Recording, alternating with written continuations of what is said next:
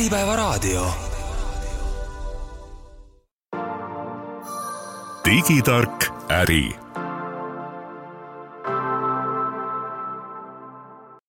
tere, head Äripäeva raadiokuulajad! Te kuulate saadet Digitark äri. räägime täna innovatsioonist ettevõttes. mul on saates täna külas Ulvi Tallo, kes on finantsteenuste ettevõtte Grow tegevjuht. tere, Ulvi! tere! ja teine külaline on Priit Kongo, kes on tehnoloogiaettevõtja. tere, Priit! tere! tere tulemast saatesse! mina olen saatejuht Mare Timian, Äripäeva teemaveebide raamatupidaja.ee ja palgauudised.ee ärijuht alustame kõigepealt innovatsioonist, äh, mõeldes tänase majandusolukorra peale, ettevõtted lähevad pankrotti, väga paljud koondavad töötajaid, olukord on keeruline juba väga pikka aega. Ja meie siin tahame rääkida innovatsioonist, kas me mitte ei pahanda ettevõtjaid tegelikult hoopis selle teemaga, Priit?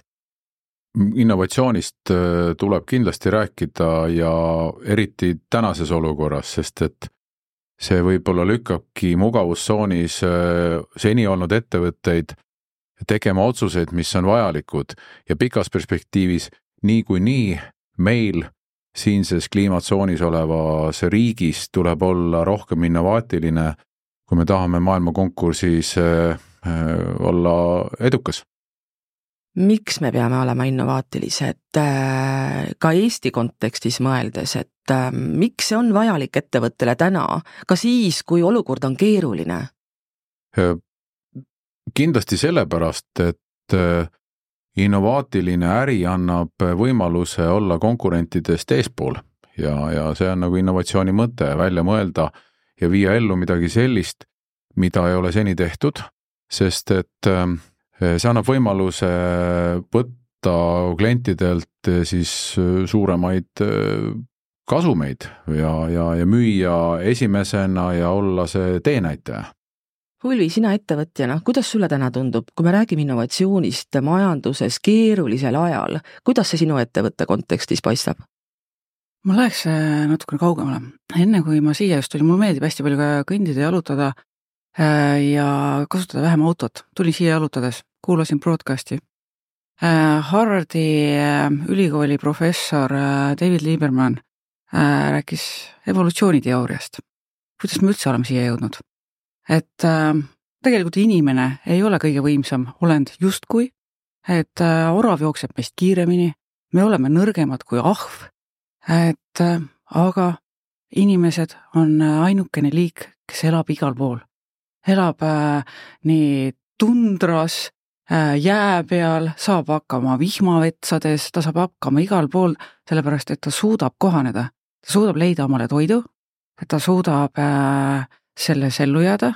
Ja ta võttis väga vahvalt kokku selle, et äh, mis on üldse nagu, mis see mõte on, mis, mis on äh, liigi mõte, et ühest, ühest otsast läheb äh, äh, söök sisse ja teisest otsast tulevad lapsed välja. see oli küll inglise keeles ja kui seal ta kostus nagu veits äh, paremini, aga, aga põhimõtteliselt suures mõttes me oleme kohanemisvõimeline liik, et ka rasketes olukordades me õpime.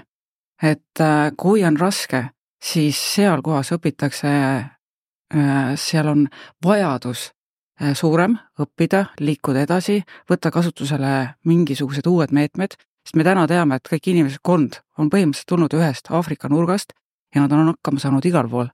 ja see ei ole olnud lihtne, ehk täna, kui on raske, on täpselt õige aeg alustada ehk see tähendab seda, et meisse on justkui see innovatsioon või see, see muutus või see ellujäämise instinkt ju sisse kodeeritud. just, just, et äh, see ongi see, mis meid viib edasi.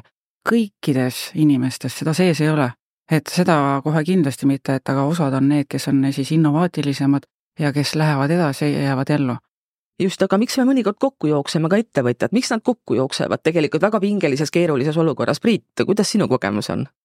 ma arvan, et äh, kokkujooksmine või, või selline äh, probleem, mida ei suuda lahendada, äh, hakkab pihta varem valedel eeldustel tehtud otsustest.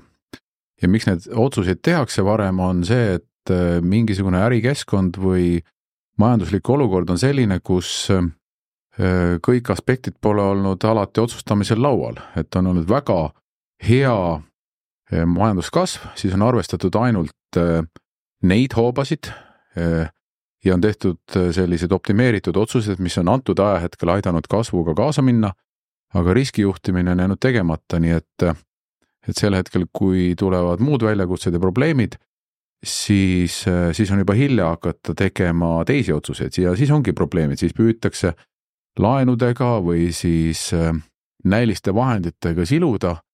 kui on kerge majanduslangus, saab hakkama, suure majanduslanguse puhul sa lihtsalt süvendad seda probleemi. Kas sinu sõnum on tegelikult see, et see innovatsiooniprotsess peaks ettevõttes jooksma kogu aeg äriprotsessis sees, et me ei unustaks hetkekski ära, et tegelikult me peame muutuma ja uuenema kogu aeg. just nimelt. see on õige, õige, õige märkus ja, ja võib-olla isegi öelda, et noh, kui teed strateegiat, siis täna ei ole strateegia eh, kolme aasta, viie aasta strateegia, vaid iga kuue kuu tagant peaks ettevõte, kes tahab elus püsida, endast uue reliisi välja laskma või vähemalt üle vaatama, et kas vana asi töötab. et see on nüüd läinud küll nüüd eh, tsükkel palju lühemaks, jah Ulvi, kuidas sinu ettevõtte strateegiaga on? just, et seda nimetatakse põhimõtteliselt ka beyond budgeting, et vaatad kogu aeg üle, et eh, kus sa oled, kas sinu ressursid kannatavad välja sinu plaane, mõtled edasi, vaatad tegelikult, mis on hästi oluline, vaadata suuremat pilti. Et ei jääks ainult vaatama väiksesse Eestisse, vaid sul on maailmapilt on kogu aeg laual, sa vaatad, mis toimub mujal sa suhtled partneritega ka väljaspoolt, vaatad, mis nendel laual on. sest kui sa teed ainult Eesti asja, et kui meie oleksime ainult see, et äh, mõtleksime, et mida me siin Eestis saame ära teha ja ei vaata, mida meie partnerid teevad ka mujal, siis ma arvan, et äh, me ei jõuaks kaugele. et me ükskord sureksime välja. et äh, tehes traditsioonilisel viisil, me räägime raamatupidamisest, mis on meie põhiäri, raamatupidamine on aastatuhandeid vana. Muudatused on tulnud siia sisse alles, äh, mina ütleksin, et suuremad muudatused tulid siis, kui noh, võeti arvuti muutus selliseks siis tavapäraseks käepäraseks vahendiks, ehk seda sai hakata kasutama. alates sellest ajast, mina võiksin nimetada seda üheksakümnendateks või kuidas iganes keegi nimetab, mis ajajärgus see hakkas, ehk sii-, sellest ajast on äh, ka meie selle äh, siis ettevõtmises väga suuri muudatusi toimunud ja need, kes kaasa ei tulnud, neid ettevõtteid enam ei ole või nad teevad väga väikeselt ja siis ei ole rahul sellega ka, mis nad teevad. mis on need kõige suuremad muudatused, mis sa oma ettevõttes oled pidanud tegema selle ajaga? märksõnad? Ütleme nii, et mulle endale, me, miks ma raamatupidaja üldse olen või miks ma raamatupidamisega tegelen, on see, et siis, kui ma kunagi käisin koolis, ma juba keskkoolis sain selle paberi mm, ja sain teada, et mulle see ala üldse ei meeldi. aga kui ma esimest korda tööle tulin, läksin, siis äh, ma sain oma esimese arvuti. ma olin saanud ka juba natukene arvutiõpet.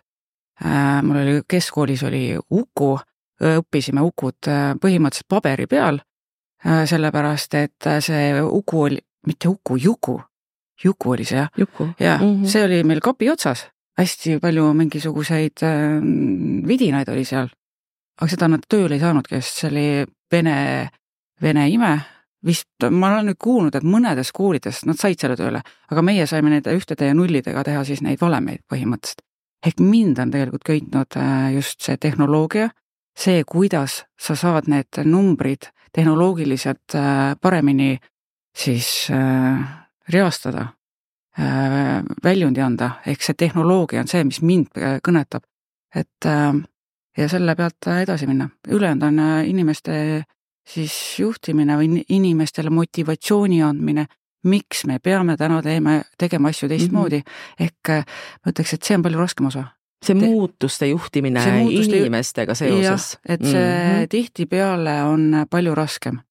Et muidugi, kui see tehnoloogia siis vidin tuleb kaasa äh, nii hästi, et ka noh, ka kõige selline mitte võib-olla nii tehnoloogia huviline inimene saab aru, et aa, siin on see üks nupp siis see üks, ühe nupu selline lahendus oleks muidugi kõige parem, aga noh, me täna teame, et ühe nupu lahendus, kui palju seal peaks taga olema seda infot, et sa saaksid teha seda mm. -hmm. Priit, sinu kogemused tehnoloogia valdkonnas, kõige suurematest muudatustest näiteks viimase kümne aasta jooksul?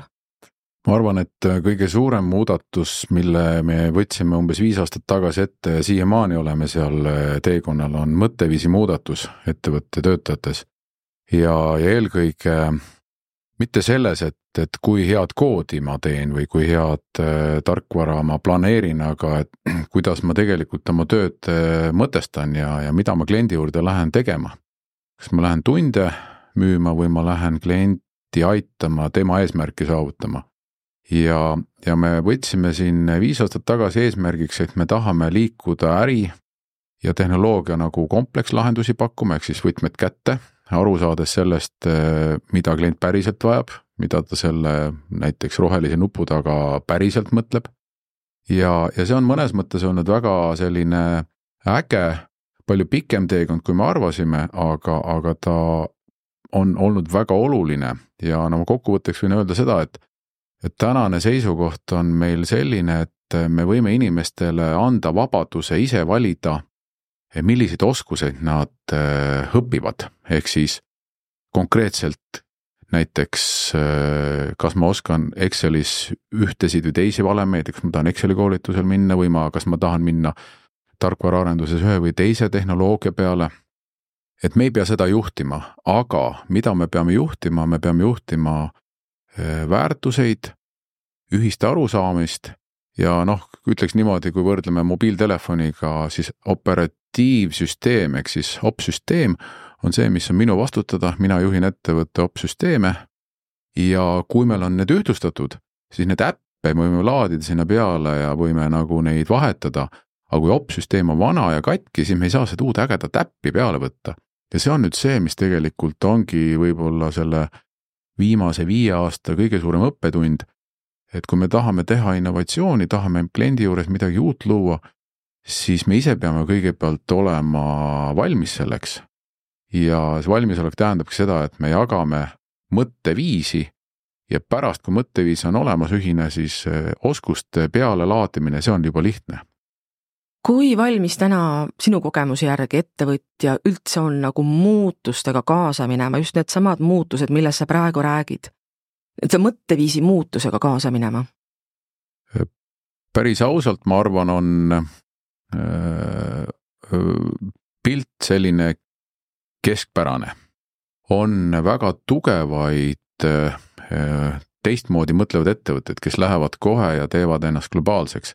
Et neid on siin nimetatud ka ja noh, meie tuntud ükssarvikud ja startup'id, aga mida ootaks klassikalise äri sellist tugevamat järeletulemist ja võib-olla siin ongi, et tuleb nagu noh, siduda seda asja ka põlvkonnavahetusega, et, et kui me siin mööblitööstusest räägime, siis kindlasti on näide, kuidas standard on ennast ümber pööranud uue juhtkonnaga, aga kindlasti ei toeta eh, selline noh, poliitiline toetus teatud eh, valdkondades seda, et need valdkonnad võtaksid ette mingisuguse olulise muudatuse, nii et ütleme niimoodi, et mina olen äh, pigem äh, turumajanduse usku ja, ja peab hakkama ebamugav, siis tehakse otsuseid. aga kui ettevõttel ei ole ebamugav või ta saab kuskil läbi mingisuguste toetuste jätkata vanamoodi, noh, tegelikult ta rikub kogu seda majandusolukorda. Ulvi, kui ebamugav sul juhina on olnud? mis on, äh, mis on tõuganud sinu ettevõtet, sinu otsuseid muutuma? ma võin öelda alustuseks seda, et ehm, me täna isegi reklaamime, me ei reklaami seda välja, aga põhimõtteliselt igas majanduslanguses meie ise oleme kasvanud. aga see kasv ei tule lihtsalt see, et äh, jube tore, sa pead midagi tegema selleks. et, ähm, et nagu ma ennemgi ütlesin, et äh, kuskil maal on see ikkagi nagu inimestest tulenev, aga teistpidi on see tehnoloogiatest äh, tulenev. et kuidas sa saad paremini, efektiivsemalt äh, tööle. et eh, jah, et suures plaanis see ongi, et äh, kuidas sa võtad äh, järjest paremaid e-, esiteks töövõtteid, tehnoloogiaid kasutusele, meie enda sektoris on hästi suur pidur olnud siiamaani ja on ka tänaseni see, et me ei saa seda üksi teha, ehk kui, sest et ega me ju ei toimeta maailmas üksi üksinda, et Crew teeb kõik ära, et meil on vaja, et keskkond toetaks seda, et keskkonnas peab olema, et äh, andmed liiguvad, meie tegeleme andmetega, meil on tegelikult, meil on täna see, et äh, meil on üle viiekümne töötaja, meil tuleb sisse kuus üle kahekümne tuhande arve, täna arvatavasti rohkemgi, ma mõõtsin neid tükk aega tagasi. Ehm, välja läheb arvatavasti veel rohkem, circa kolmkümmend tuhat, ma pakun kolmkümmend, nelikümmend tuhat, ehk viiskümmend, kuuskümmend tuhat on juba lihtsalt arvete liikumist, pluss sinna juurde äh, lao igasugused liikumised ja need äh, suures plaanis, mina ütleks, et nad käivad läbi lukuaugu, ehk me teeme neid Eestis, andmed liiguvad läbi täna suures mahus läbi PDF-ide mis on väga suur probleem, selle asemel, et liige oleks masin-masin liidestusega. masin-masin liidestusi on ka olemas, aga neid on liiga vähe. et kui me saaksime e, e, vähemalt Eesti tasandil selle suuremaks, e, siis me saaksime liikuda ka meie paremini edasi, ehk tegelikult kõik meie ja meie sektoris toimetavad siis ettevõtted mm. -hmm. sa ja pead see, silmas ja, mm, -hmm. ja just, et, et partnerid, koostööpartnerid, kliendid, et kogu ja, see. ja riik äh, samamoodi. jah, see mm -hmm. võrgustik, et masin-masin liidestega liiguvad andmed ja meie oleksime pigem nagu andmetöötlejad, mitte niivõrd enam äh, kuskilt äh, noh, käsitsi toks-, toksidel midagi või vaatad, et kas andmed tulid õigesti sisse, sest et PDF-i pealt ei loeta neid alati õigesti mm. -hmm. seal võivad tulla ikkagi aeg-ajalt vead sisse ja, ja see ei ole nagu mõistlik tegevus. Priit, mis sina kustad selle Ulvi mm, kirjelduse peale? Kindlasti üks selline fundamentaalne efektiivsuse meede on automatiseerimine ja noh, me ühtpidi kogu noh, ma hindaks, et Eestis kogu maailma kontekstis andmete automaatne liikumine on päris hea, aga loomulikult, kui me vaatame niimoodi Eestit ja mõtleme, kui palju tehakse käsitööd andmete sisestamiseks, andmete liigutamiseks, siis see on päris suur osa äh, kulutustest. võib-olla erasi vähem, aga kindlasti avalikus sektoris siiamaani, näiteks äh, noh, meditsiinivaldkonnas võib öelda julgelt veerand tervishoiu rahastusest läheb andmete sisestamisele ja väljavõtmisele erinevate nagu haigla ja tervishoiu infosüsteemide vahele. riik tegeleb sellega ja see asi kindlasti paraneb, aga see on nüüd näide, kus kus tegelikult lihtsate vahenditega isegi ärimudelit muutmata saab teha sellist baastasemel innovatsiooni, mis annab väga suure efektiivsuse mm. -hmm. ehk siis äh, tehnoloogiate kasutuselevõtt, me räägime ka ai-st, mis on täna väga-väga teema, tehisaru. Mm, kuidas sinu kogemus on, kuivõrd äh, ettevõtjad on valmis mm, ka näiteks ai-d kasutama täna? See on nüüd põnev teema, mida kõiki huvitab ja ettevõtjad on valmis ja nad tahavad. Äh, küsimus on nüüd selles, et äh, natukene on hirm nahas, et äh, kui ma nüüd saadan selle päringu sinna Ameerika serveri poole teele, et, et mis temaga seal päriselt tehakse, kes seda veel näeb. ja, ja tõsi ta on, et, et need andmekaitse ja, ja personaalse data kaitsereeglistikud ei, ei, tegelikult ei luba noh, saata sellist nagu sensitiivset andmestikku kuhugi mujale. Ehm, ja, ja mis siis nüüd nagu tegelikult ettevõtjad kaaluvad, mõtlevad, noh, reguleerivad, natuke pidurdavad ja ma arvan, et plaanitakse majasiseseid kompetentsikeskuseid, majasiseseid platvorme, kus, kus seda tööd siis teha. jah, ai puhul tuleb öelda, et see on äh, tore märksõna.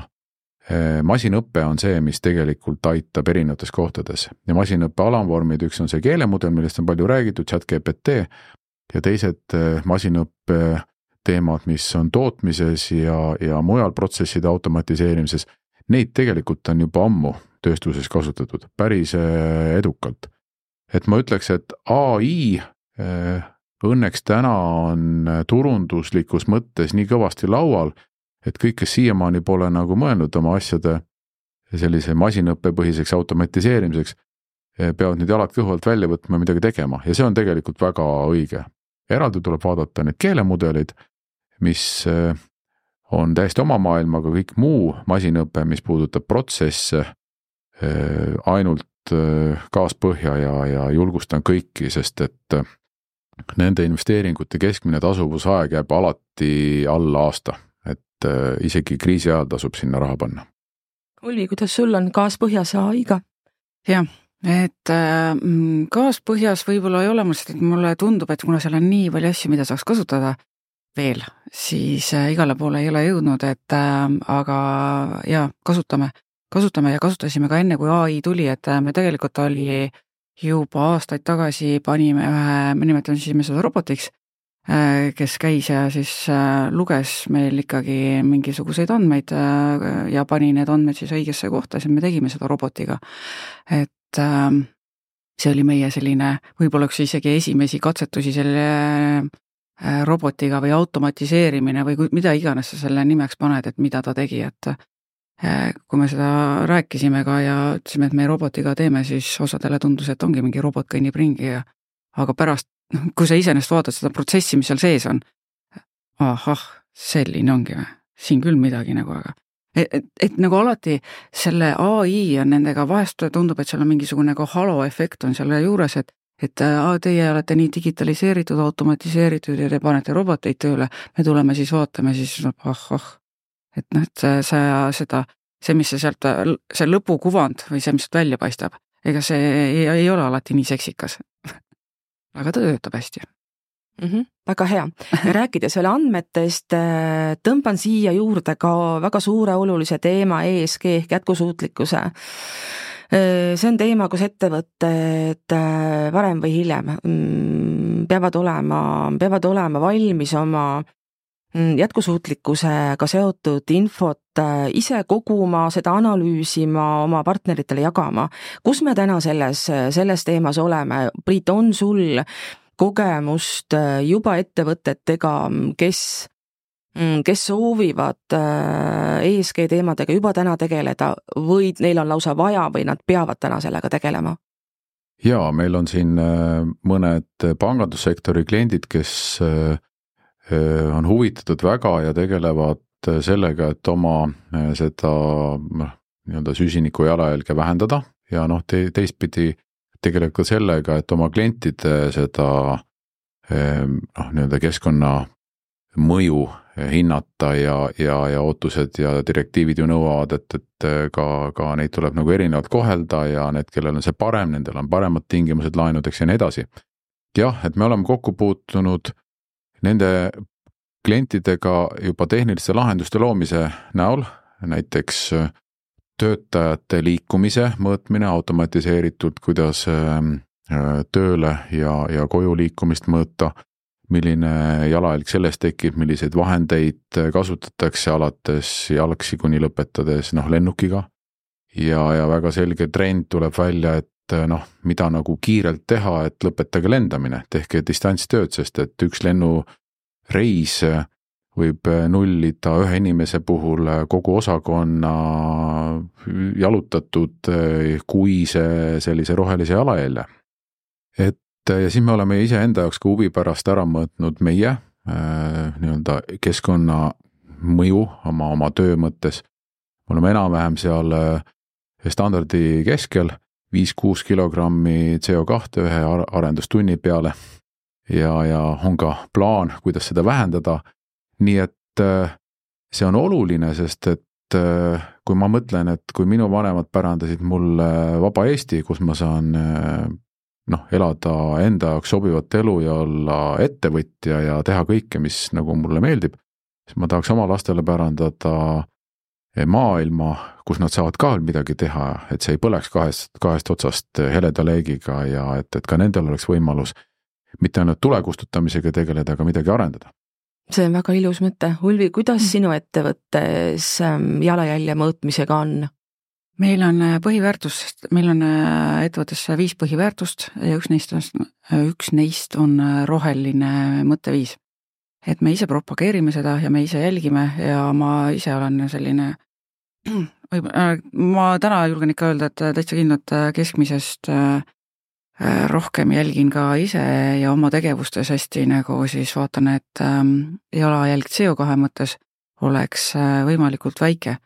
aga äh, ESG ei ole ainult ka siis jalajälg, et seal on ka siis võrdsus ja muud teemad sees, et meil raamatupidamises võrdsusega, soolise võrdsusega on täiesti kehvasti nii on küll jah jah, üheksa, üle üheksakümne protsendi kõik naised, mm. -hmm. et äh, kas mehi võib kutsuda üles, et tulge liituge, ja loomulikult et me oleme nagu seal kohas teistpidi, aga jah, jalajälje mõttes me ähm,, me olime üks esimesi, kes läks paberivabaks ähm,. just mõeldes äh, ka sellele, et äh, noh, raamatupidamises paber ehk üks arve, paberil arve on kõige mõttetum paber äh, sellepärast, et seda vaatab ükskord üks inimene, siis pannakse kausta kõik läinud, rohkem mitte kedagi seda põhimõtteliselt ei huvita, noh aeg-ajalt võib-olla teine inimene tuleb veel vaatab. et ähm, aga see oli juba ammu, täna me paber on eh, noh, kes nüüd täna veel paberil teeb, siis äh, siis ma ei oskagi teile mitte midagi öelda, aga täna on äh, pigem hoopis digiprügi. et me täna oleme juba üle, meil, meil digiarhiiv on täna juba põhimõtteliselt kolmteist aastat vana, ehk me kolmteist, neliteist jaa, neliteist aastat tagasi me läksime juba digitaalseks ja kui ma siis äh, tahtsin äh, hakata noh, põhimõtteliselt äh, hävitama neid üle seitsme aasta vanuseid arhiive või siis kaustu, siis ma sain aru, et see ei ole üldse sugugi nii lihtne, sellepärast et ma ei olnud algusest peale selle peale mõelnud, et kuhu ma salvestan, kuidas äh, sealt siis automaatselt saaks äh, hakata ka eest ära kustutama. et äh, täna on meil läinud päris palju inimtöötunde selle peale, et lihtsalt käia neid vanu kaustu üle ja neid ära kustutada, sest neid ei ole enam mitte kellelegi vaja et täna juba õnneks tulevad sellised lahendused, et ka meie saame panna põhimõtteliselt ajalise määratluse sinna külge, et kustu sellel ajal. aga täna on veel rohkem tekib õigemini seda digi äh, digijalajälgega siis äh, meie sektoris ehk raamatupidamises tekib järjest rohkem, sellepärast et äh, enamus arved üle kaheksakümne protsendi saadetakse, täna endiselt meiliga meili saadetakse vähemalt äh, ütleme keskmiselt viide kohta. saab seal raamatupidaja, saab ettevõtte juht, siis on vahepeal veel mingi töötaja, siis ta võib seal pendeldada kuskil vahepeal veel, et ei tea, kas oli õige. ja siis need viis kohta on kõik meilides, inbox, outbox. seda Outlooki tavaliselt, kui sa oled äh, tavapärane normaalne ettevõte, siis sellest tehakse copy kolme kohta ehk äh, üks arve viis korda korda kolm ja Eestis ainult, ainult Eestis, ma nüüd õigesti mäletan, siis oli sada seitsekümmend miljonit äh, arvet aastas äh, liigub. Et äh, me peame tegelema, täna on täpselt õige aeg tegeleda ka sellega, ehk mõelda välja see, et, et äh, kuidas need äh, need arved, mida me peame küll täna hoidma, peame seitse aastat hoidma, et nad ähm, peale seda enam äh, ei ole vaja säilitada, et nad siis ka kustuksid. osa neist on, aga, aga sellega peab te-, see on täpselt õige aeg te- tegeleda, et mitte oodata, kui see prügimägi läheb liiga suureks ja siis vaatame, et hakkame vähendama. suurepärane, see on hea koht teha saatesse väikene paus ja pärast pausi jätkame saatekülalistega juttu innovatsiooni teemadel. Äripäeva raadio. digitark äri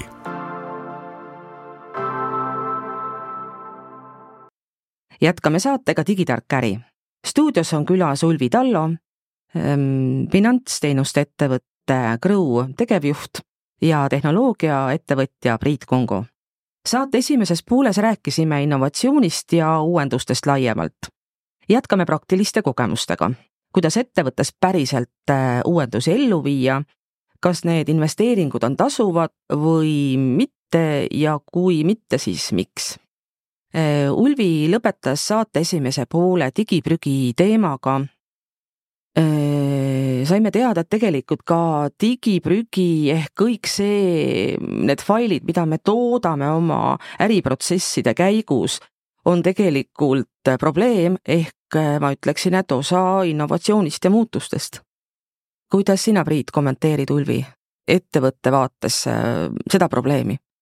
jaa, digiprügi on teema ja noh, eks ta kasvab eksponentsiaalselt siin maailmas. Ma ütleks, et see on täna juba hügieeni küsimus, et kõik protsessid tuleb läbi mõelda juba täna, kõiki uusi asju, et kuidas ma vähem tekitan seda, kuidas ma ei saada faile, vaid jagan neid. tehnoloogia on kõik olemas, see on inimeste mõttes kinni, inimeste nii-öelda koolitamises. et ma arvan, et see innovatsioon on juba muutunud selliseks, mille kohta võiks öelda või peaks ütlema, et see on selline igapäeva asi. Noh, teine asi, et fotode pildistamine mobiilis ja nende varundamine pilves samamoodi ei ole mõtet kümmet samasugust hoida, vaid hoiame ainult ühe. aga ma arvan, et äh, selline fundamentaalne innovatsioon ikkagi tuleb ärimudeli innovatsioonist. kui võetakse lahti ettevõtte olemasolev äh, tööprotsess ja kogu senine elu äh, ja disainitakse ta ümber, pannakse kokku täiesti uutmoodi, arvestades seda, mida digimaailm võimaldab. see on see, kus tekivad väga suured võidud ja kus tuleb ka pingutada rohkem. Mis need kõige olulisemad võidud on, räägime need ka üle tegelikult, mida annab innovatsioon ehk muutus äriprotsessidele, milles see väljendub, mida me võidame?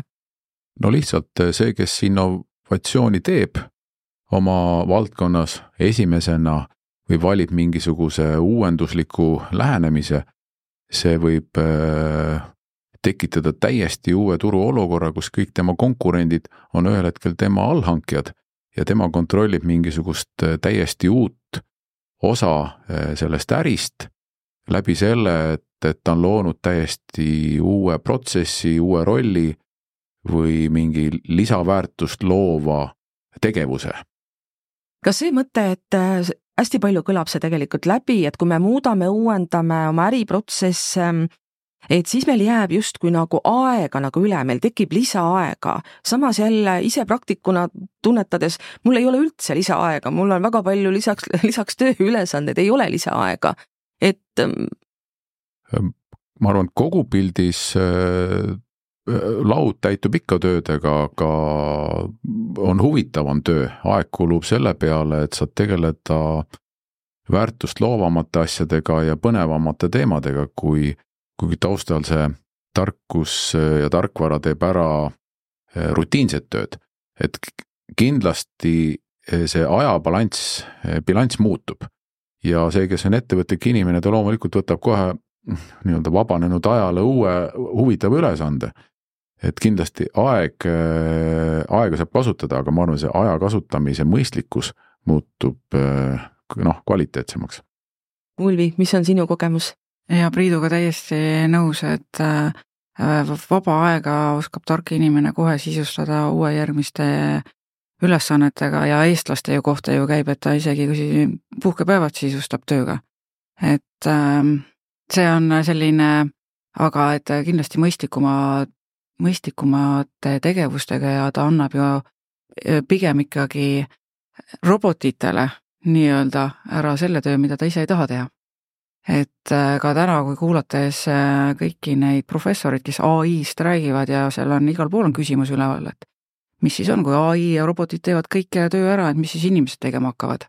et ma nagu, ma ei tunne kuidagi selle üle muret, inimestel jääb kindlasti tegevus alles, et äh, võib-olla tasuks lihtsalt, ma soo-, soovitaksin nagu kõigile võtta mingisugune ai vidin lahti, kas või chat GPT, proovida, mida ta teeb kuidas ta sulle väärtust loob, aga kindlasti alati seal taga peab olema sinu turvaline siis ja kaalutletud mõte, mida sa talle jagad ja et sa ka oma andmeid kaitseksid, et äh, sul ühtepidi, mida rohkem sa võtad tehnoloogilisi vidinaid kasutusele, seda rohkem sul ka vaja seda turvata, ehk sa saaksid aru, et ta on sul turvaline, sa tead, et sinu keskkond on äh, kaitstud, et äh, küberrünnakute eest ja kõik see muu.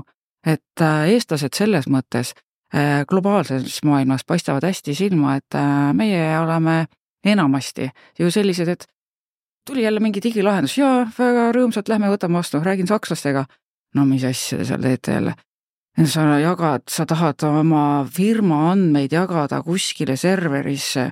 ei, see noh, see, see ei tööta, et äh, vanas maailmas ei tööta need sugugi nii hästi ja kui ma neile ütlen, et aga sul on ju, sa pangakaarti kasutad. sa teed ju kõik need internetis.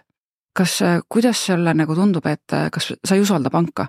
et kuskil maal nagu jah, et äh, kuskil maal on mingisugune piir, et kuskil maalt nad saavad aru, ahah, siin töötab, ehk sul on turvaline. pank on turvaline, meie peame tegema teised keskkonnad ka turvaliseks, nii et nad tunneksid seda. Priit, kuidas sul kogemus on, et äh, nagu Ülvi ütles, et Eestis, et me oleme kiired, tegelikult me oleme innovaatilised, me oleme väga digi, digiusku, aga kui meil on partnerid välismaal, nagu Ulvi selgitas siin erinevates riikides, kus see digipööre, kõik see digist arusaamine, no ei käi nii kiiresti, nagu see meil on, kuidas ma koostööd teed nende partneritega? tegelikult need partnerid, needsamad sakslased, kellest siis nüüd juttu on, et äh, nad äh, tunnetavad, et nad vajavad seda. aga äh, ja see annabki meile võimaluse olla see nii-öelda innovatiivne, innovaatiline väiksem rahvus, kes käib, torgib neid ja leiab üles need, kes on valmis seda innovatsiooni ja innovatsiooni muudatust sisse ostma, et kui nad ei suuda oma organisatsiooni ise piisavalt muuta, aga neil on tahe ja võimekus eh, see noh, ost ära teha või, või, või see projekt sisse võtta, siis see annab meile väga selge võimaluse.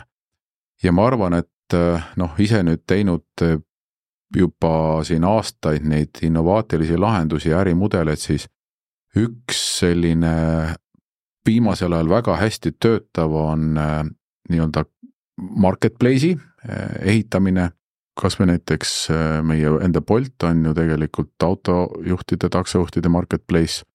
ja seesama kontseptsioon, seda saab väga hästi kopeerida ka erinevatesse teistesse äh, äriharudesse ja ma arvan, siin on veel aastakümneteks töid, et sellised üks-ühele ärisuhted viiakse sellisesse elektroonilisse keskkonda, kus kõik osapooled tulevad ja osalevad siis äh, avatumalt oma hindadega ja jagavad neid projekte. ja see on tegelikult see, mis hästi lihtsalt öeldes töötab praegu äh, päris nagu mõnusalt. Äh, mida ma ootan, mis vaikselt hakkab tulema innovatsiooni mõttes, on näiteks tervishoiu valdkonnas kogu see farmakogeneetika, digiravimite teema. Aga see on jällegi kaalukategooria mõttes täiesti klass omaette. et see marketplace'i tegemine, see on juba täna noh, lihtne. et me teame seda, kuidas teha, me teame seda, et kuidas organisatsioon peab oma struktuuri muutma, me oskame kliendile seda nõu anda, me teame seda, mida ta peab oma koostööpartneritega tegema, aga see, et kui meil on tõsiselt masinõppemudelid hakkavad inimesele eh, soovitama spetsiifiliselt tema enda ravimeid lähtuvalt tema enda geenidest, geneetikast, tema varasematest haigustest ja kogu tema olemusest, see on midagi ägedat, Eh, mis tegelikult võib-olla annabki inimkonnale täiesti uue võimaluse noh, nii-öelda väljakutsetega toime tulla ja see on, see on midagi sellist, mis, mis on päris, päris äge. Ehm, ma võin noh, jah, ma ise nagu näen innovatsiooni, ma arvan, et see peaks ikkagi ka nagu juhtuma, ma eeldan ja loodan, et pigem lähitulevikus ka meie valdkonnas, et ähm, kui ma ennem ütlesin, et äh, arvuti tulekuga muutus, tekkis selline suurem muudatus raamatupidamissektoris, aga edaspidi nagu peaks pigem olema see, et andmelad äh, ehk andmestik hakkab olema pigem edaspidi andmeladudes ja andmeladudest võetakse põhimõtteliselt kogu info välja, mida on siis juhtimiseks vaja. et, ähm, et see, see pigem nagu kaldub sinna suunda, et äh, meil masin masinatest need andmed hakkavad lugema ka teistmoodi. Äh, mitte enam nii traditsioonilisel viisil, nagu nad seda teevad täna. aga sinna on vaja veel, ähm, sinna on veel tee minna. mida ettevõte tegelikult selleks siis tegema peab või mis on need sammud, et seda innovatsiooni ellu viia? Ähm, mida ta peaks täna tegema või mm. edaspidi? ikka täna kohe tegelikult. täna kohe sa ei, täna kohe äh, võib-olla noh jah, sa saad valmistuda selleks, et äh, täna, nagu ma ennem ütlesin, et kõige suurem probleem on see, et andmed ei liigu masin-masin, et nad liiguvad läbi mingisuguste vidinate. et äh, oleks vaja lihtsalt, et andmed hakkaksid päriselt liikuma masinast masinasse, et äh, ja see puudutab ka ühtepidi ka siis ka ESG teemasid, kuna ka ESG mõttes on vaja aruandluse just, et kui hakatakse aruandlust äh, tegema ESG vaatest, et siis andmetel on küljes need õiged tunnused, mida on vaja siis kokku korjata äh, ja siis edastada kuskile, et see pigem on selline suuremat sorti andmehaldus, et ma ei tea, kas raamatupidamine üleüldse selline, see sõnana raamatupidaja mine jääb edaspidi alles, võib-olla see on hoopis andmehaldus, andmehaldur, äh, midagi sellist, ehk tegelikult see pigem on suurandmete töötlemine, noh Eesti võttes on enamus ettevõtted siiski mikroettevõtted, et äh, aga neid kokku pannes, kui nad kõik kokku panna, siis nad on ikkagi suurandmed. et ma pigem nagu näeks selliste suurandmete äh, töötlemise äh, siis äh, vahend, vahendit või siis liikumist sinnapoole mm. -hmm. Priit, kuidas sina kommenteerid seda andmeladude suurandmete teemat? no ma usun seda, et tulevikus on, on olemas sellised suured andmeveskid erinevate eluvaldkondade jaoks, kus siis täpselt nii nagu Ulvi kirjeldab, osapooled salvestavad omi andmeid, kasutavad neid ja toimub ristkasutus. noh, võib-olla see juriidika on vaja veel läbi käia, aga, aga tekibki noh, ma arvan, et finants ja logistika ja tervishoiu ja hariduse teemal sellised suuremad kesksed kohad Eh, mida siis saab ka kasutada ka teadustööks, mida saab kasutada ka uute teenuste väljatöötamiseks. Mm, siin kindlasti peab olema mingisugune eh, noh, õlg riigi poolt, eh, kas siis regulatsiooni või siis nagu oma osalemise kaudu, sest hästi palju andmeid on täna riigi käes. sest et, et noh, andmetel on ühiskonnale kasu siis, kui nad on ikkagi kuidagi nagu nagu antud kasutusse või, või nagu avaandmete kontekstis, et nendel on ligipääs. noh, siin tekib see, et vaja neid natukene kaitsta, mis puudutab personaaldatat, aga printsiibis ma arvan, ühel hetkel kindlasti need veskid tekivad. kuidas sinna ligipääs on, see on nagu teine küsimus.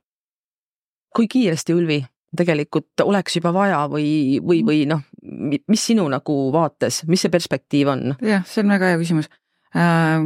siis, kui äh, kaks tuhat kümme, võin öelda, tuli Krõusse sisse esimene e-arve ja saatsime välja e-arve. mul olid näpud püsti, oh nüüd hakkavad kohe saatma, kõik saadavad e-arveid, sest et äh, see on palju nagu lihtsam ja kiirem ja efektiivsem vahend. täna me oleme aastas kakskümmend neli ja tegelikult nagu ei liigu, jah, riiki. neliteist aastat on möödunud. neliteist aastat, et äh, mina oma optimismis tahaks ikka pakkuda, et äh, lähima me peame vaatama natukene seda ka, et mis toimub Euroopas, et äh, Euroopas on ka selles suunas päris suured arengud on toimumas, et kui nemad jõuavad valmis, siis saame siit edasi minna, et mul küll on, me oleme siin arutanud ja meil on mingisugused numbrid ees, mis ei pruugi pädeda E, Euroopa Liidust tulevad ka regulatsioonid e, ja me oleme minemas üle Euroopa Liidu standardile ka e, e-arve mõttes, ehk kui need ühtlustuvad, siis ma arvan, et hakkab ka suurem see liikumine toimuma, aga need, ütleme, et nad on ikkagi lähi, mõned tähtajad olid seal lähi viie aasta, mõnel lähi kümne aasta perspektiivis. Nii et ma, mina ise loodan, et pigem varem kui hiljem nii, loodame seda kõik koos. Mm, saade hakkab kohe ära lõppema. palun veel mõned äh, soojad soovitused ettevõtjatele seoses innovatsiooniga? ja et siin oli ka küsimus ja arutelu, et mida siis teha ettevõtjana ja et kui on nagu teadmatus, et aga tahaks teha, siis äh, jällegi lahendus on lihtne, äh, alustada pilootprojektiga, võtta mingisugune väiksem ulatus ja, ja vaadata, mida see tähendab, sest et töö käigus kõik, kes, kes seal osalevad, õpivad ju ka ei ole mõtet planeerida innovatsiooni liiga pikalt. kindlasti on vaja muidugi panna sellised nagu strateegilisemad eesmärgid, et, et noh, näiteks, et saavutada eh, uus võimekus. aga see, et kui näiteks konkreetselt see innovaatiline lahendus kasutusse võtta, siis samm-samm haaval ja pilootprojekt või proof of concept see on harilikult see, mis annab eh, tegelikult kogemuse, mida see tähendab mille pealt saab tegelikult planeerida juba päris projekti, nii et mina soovitan kõik ettevõtjad, kes tahavad teha, pange see mõni kuu eh, ja aega ja, ja mõni hea ressurss ja natukene raha ja tegelikult õpite selle pilootprojektiga väga palju, teete ise või koos partneriga, selle pealt saate teha päris otsuseid. Ulvi, mis sinu soovitus on? Äh, see on väga hea, et sa küsisid soovituse, aga mul oleks nagu kohe äh, Priidule küsimus, et kuna me oleme teinud äh, mõningaid, sa ennem küsisid ämbrid, aga ma tegelikult ämbrist ei rääkinud üldse, et me oleme ikkagi ka teinud arendusi, iga arendus on e Priidu vaatest kindlasti väike kopikas, meie vaatest ikka nagu päris nagu suur kopikas, mis välja läks. ja tegime, arendasime ja jõudsime isegi mingisugune aeg kasutada oma uut vidinat ja siis nägime, et äh, turule tuli just äh, noh, ütleme, et parem lahendus, kui see meie enda oma oli ja kirjutasime selle raha siis maha, aga see ongi ettevõtja ju siis kooliraha. see on kooliraha jah, et äh, mina julgustan ka sellegipoolest nagu katsetama minema, aga oleks hea meel, kui Priit ütleks ka mingisuguse, et ähm, mis see kõige väiksemad projektid on, millega ta nagu mm, siis ähm, rahaliselt ähm, väikeettevõtjale, et äh, millega peaks arvestama täna? No ma arvan, et äh, väikeettevõtja ärimudeli innovatsiooni jaoks, äh, kui investeerida suurusjärgus ühe inimese kuupalgafondi ja teist sama palju mingisse tehnoloogiasse, see võiks anda juba mõõdetava tulemuse, mille pealt teha järgmine otsus ja see otsus võib olla ka see, et, et kirjutame korstnasse, aga see otsus võib olla ka see, et lahe, läheme edasi ja, ja muutume turuliidriks mingis asjas. väga hea. suurepärane. hakkame nüüd saadet kokku võtma. rääkisime täna innovatsioonist, digiarengutest ja ka riskidest ning äh, kuulsime praktikute kogemuslugusid. saates olid külas Ulvi Tallo mm,, finantsteenuste ettevõtte Grow juht ja Priit Kongo, kes on tehnoloogiaettevõtja mina olen saatejuht Mare Timian. suur tänu saatekülalistele ja kõigile kuulajatele. järgmine saade sarjast Digitark äri kuu aja pärast. Kuulmiseni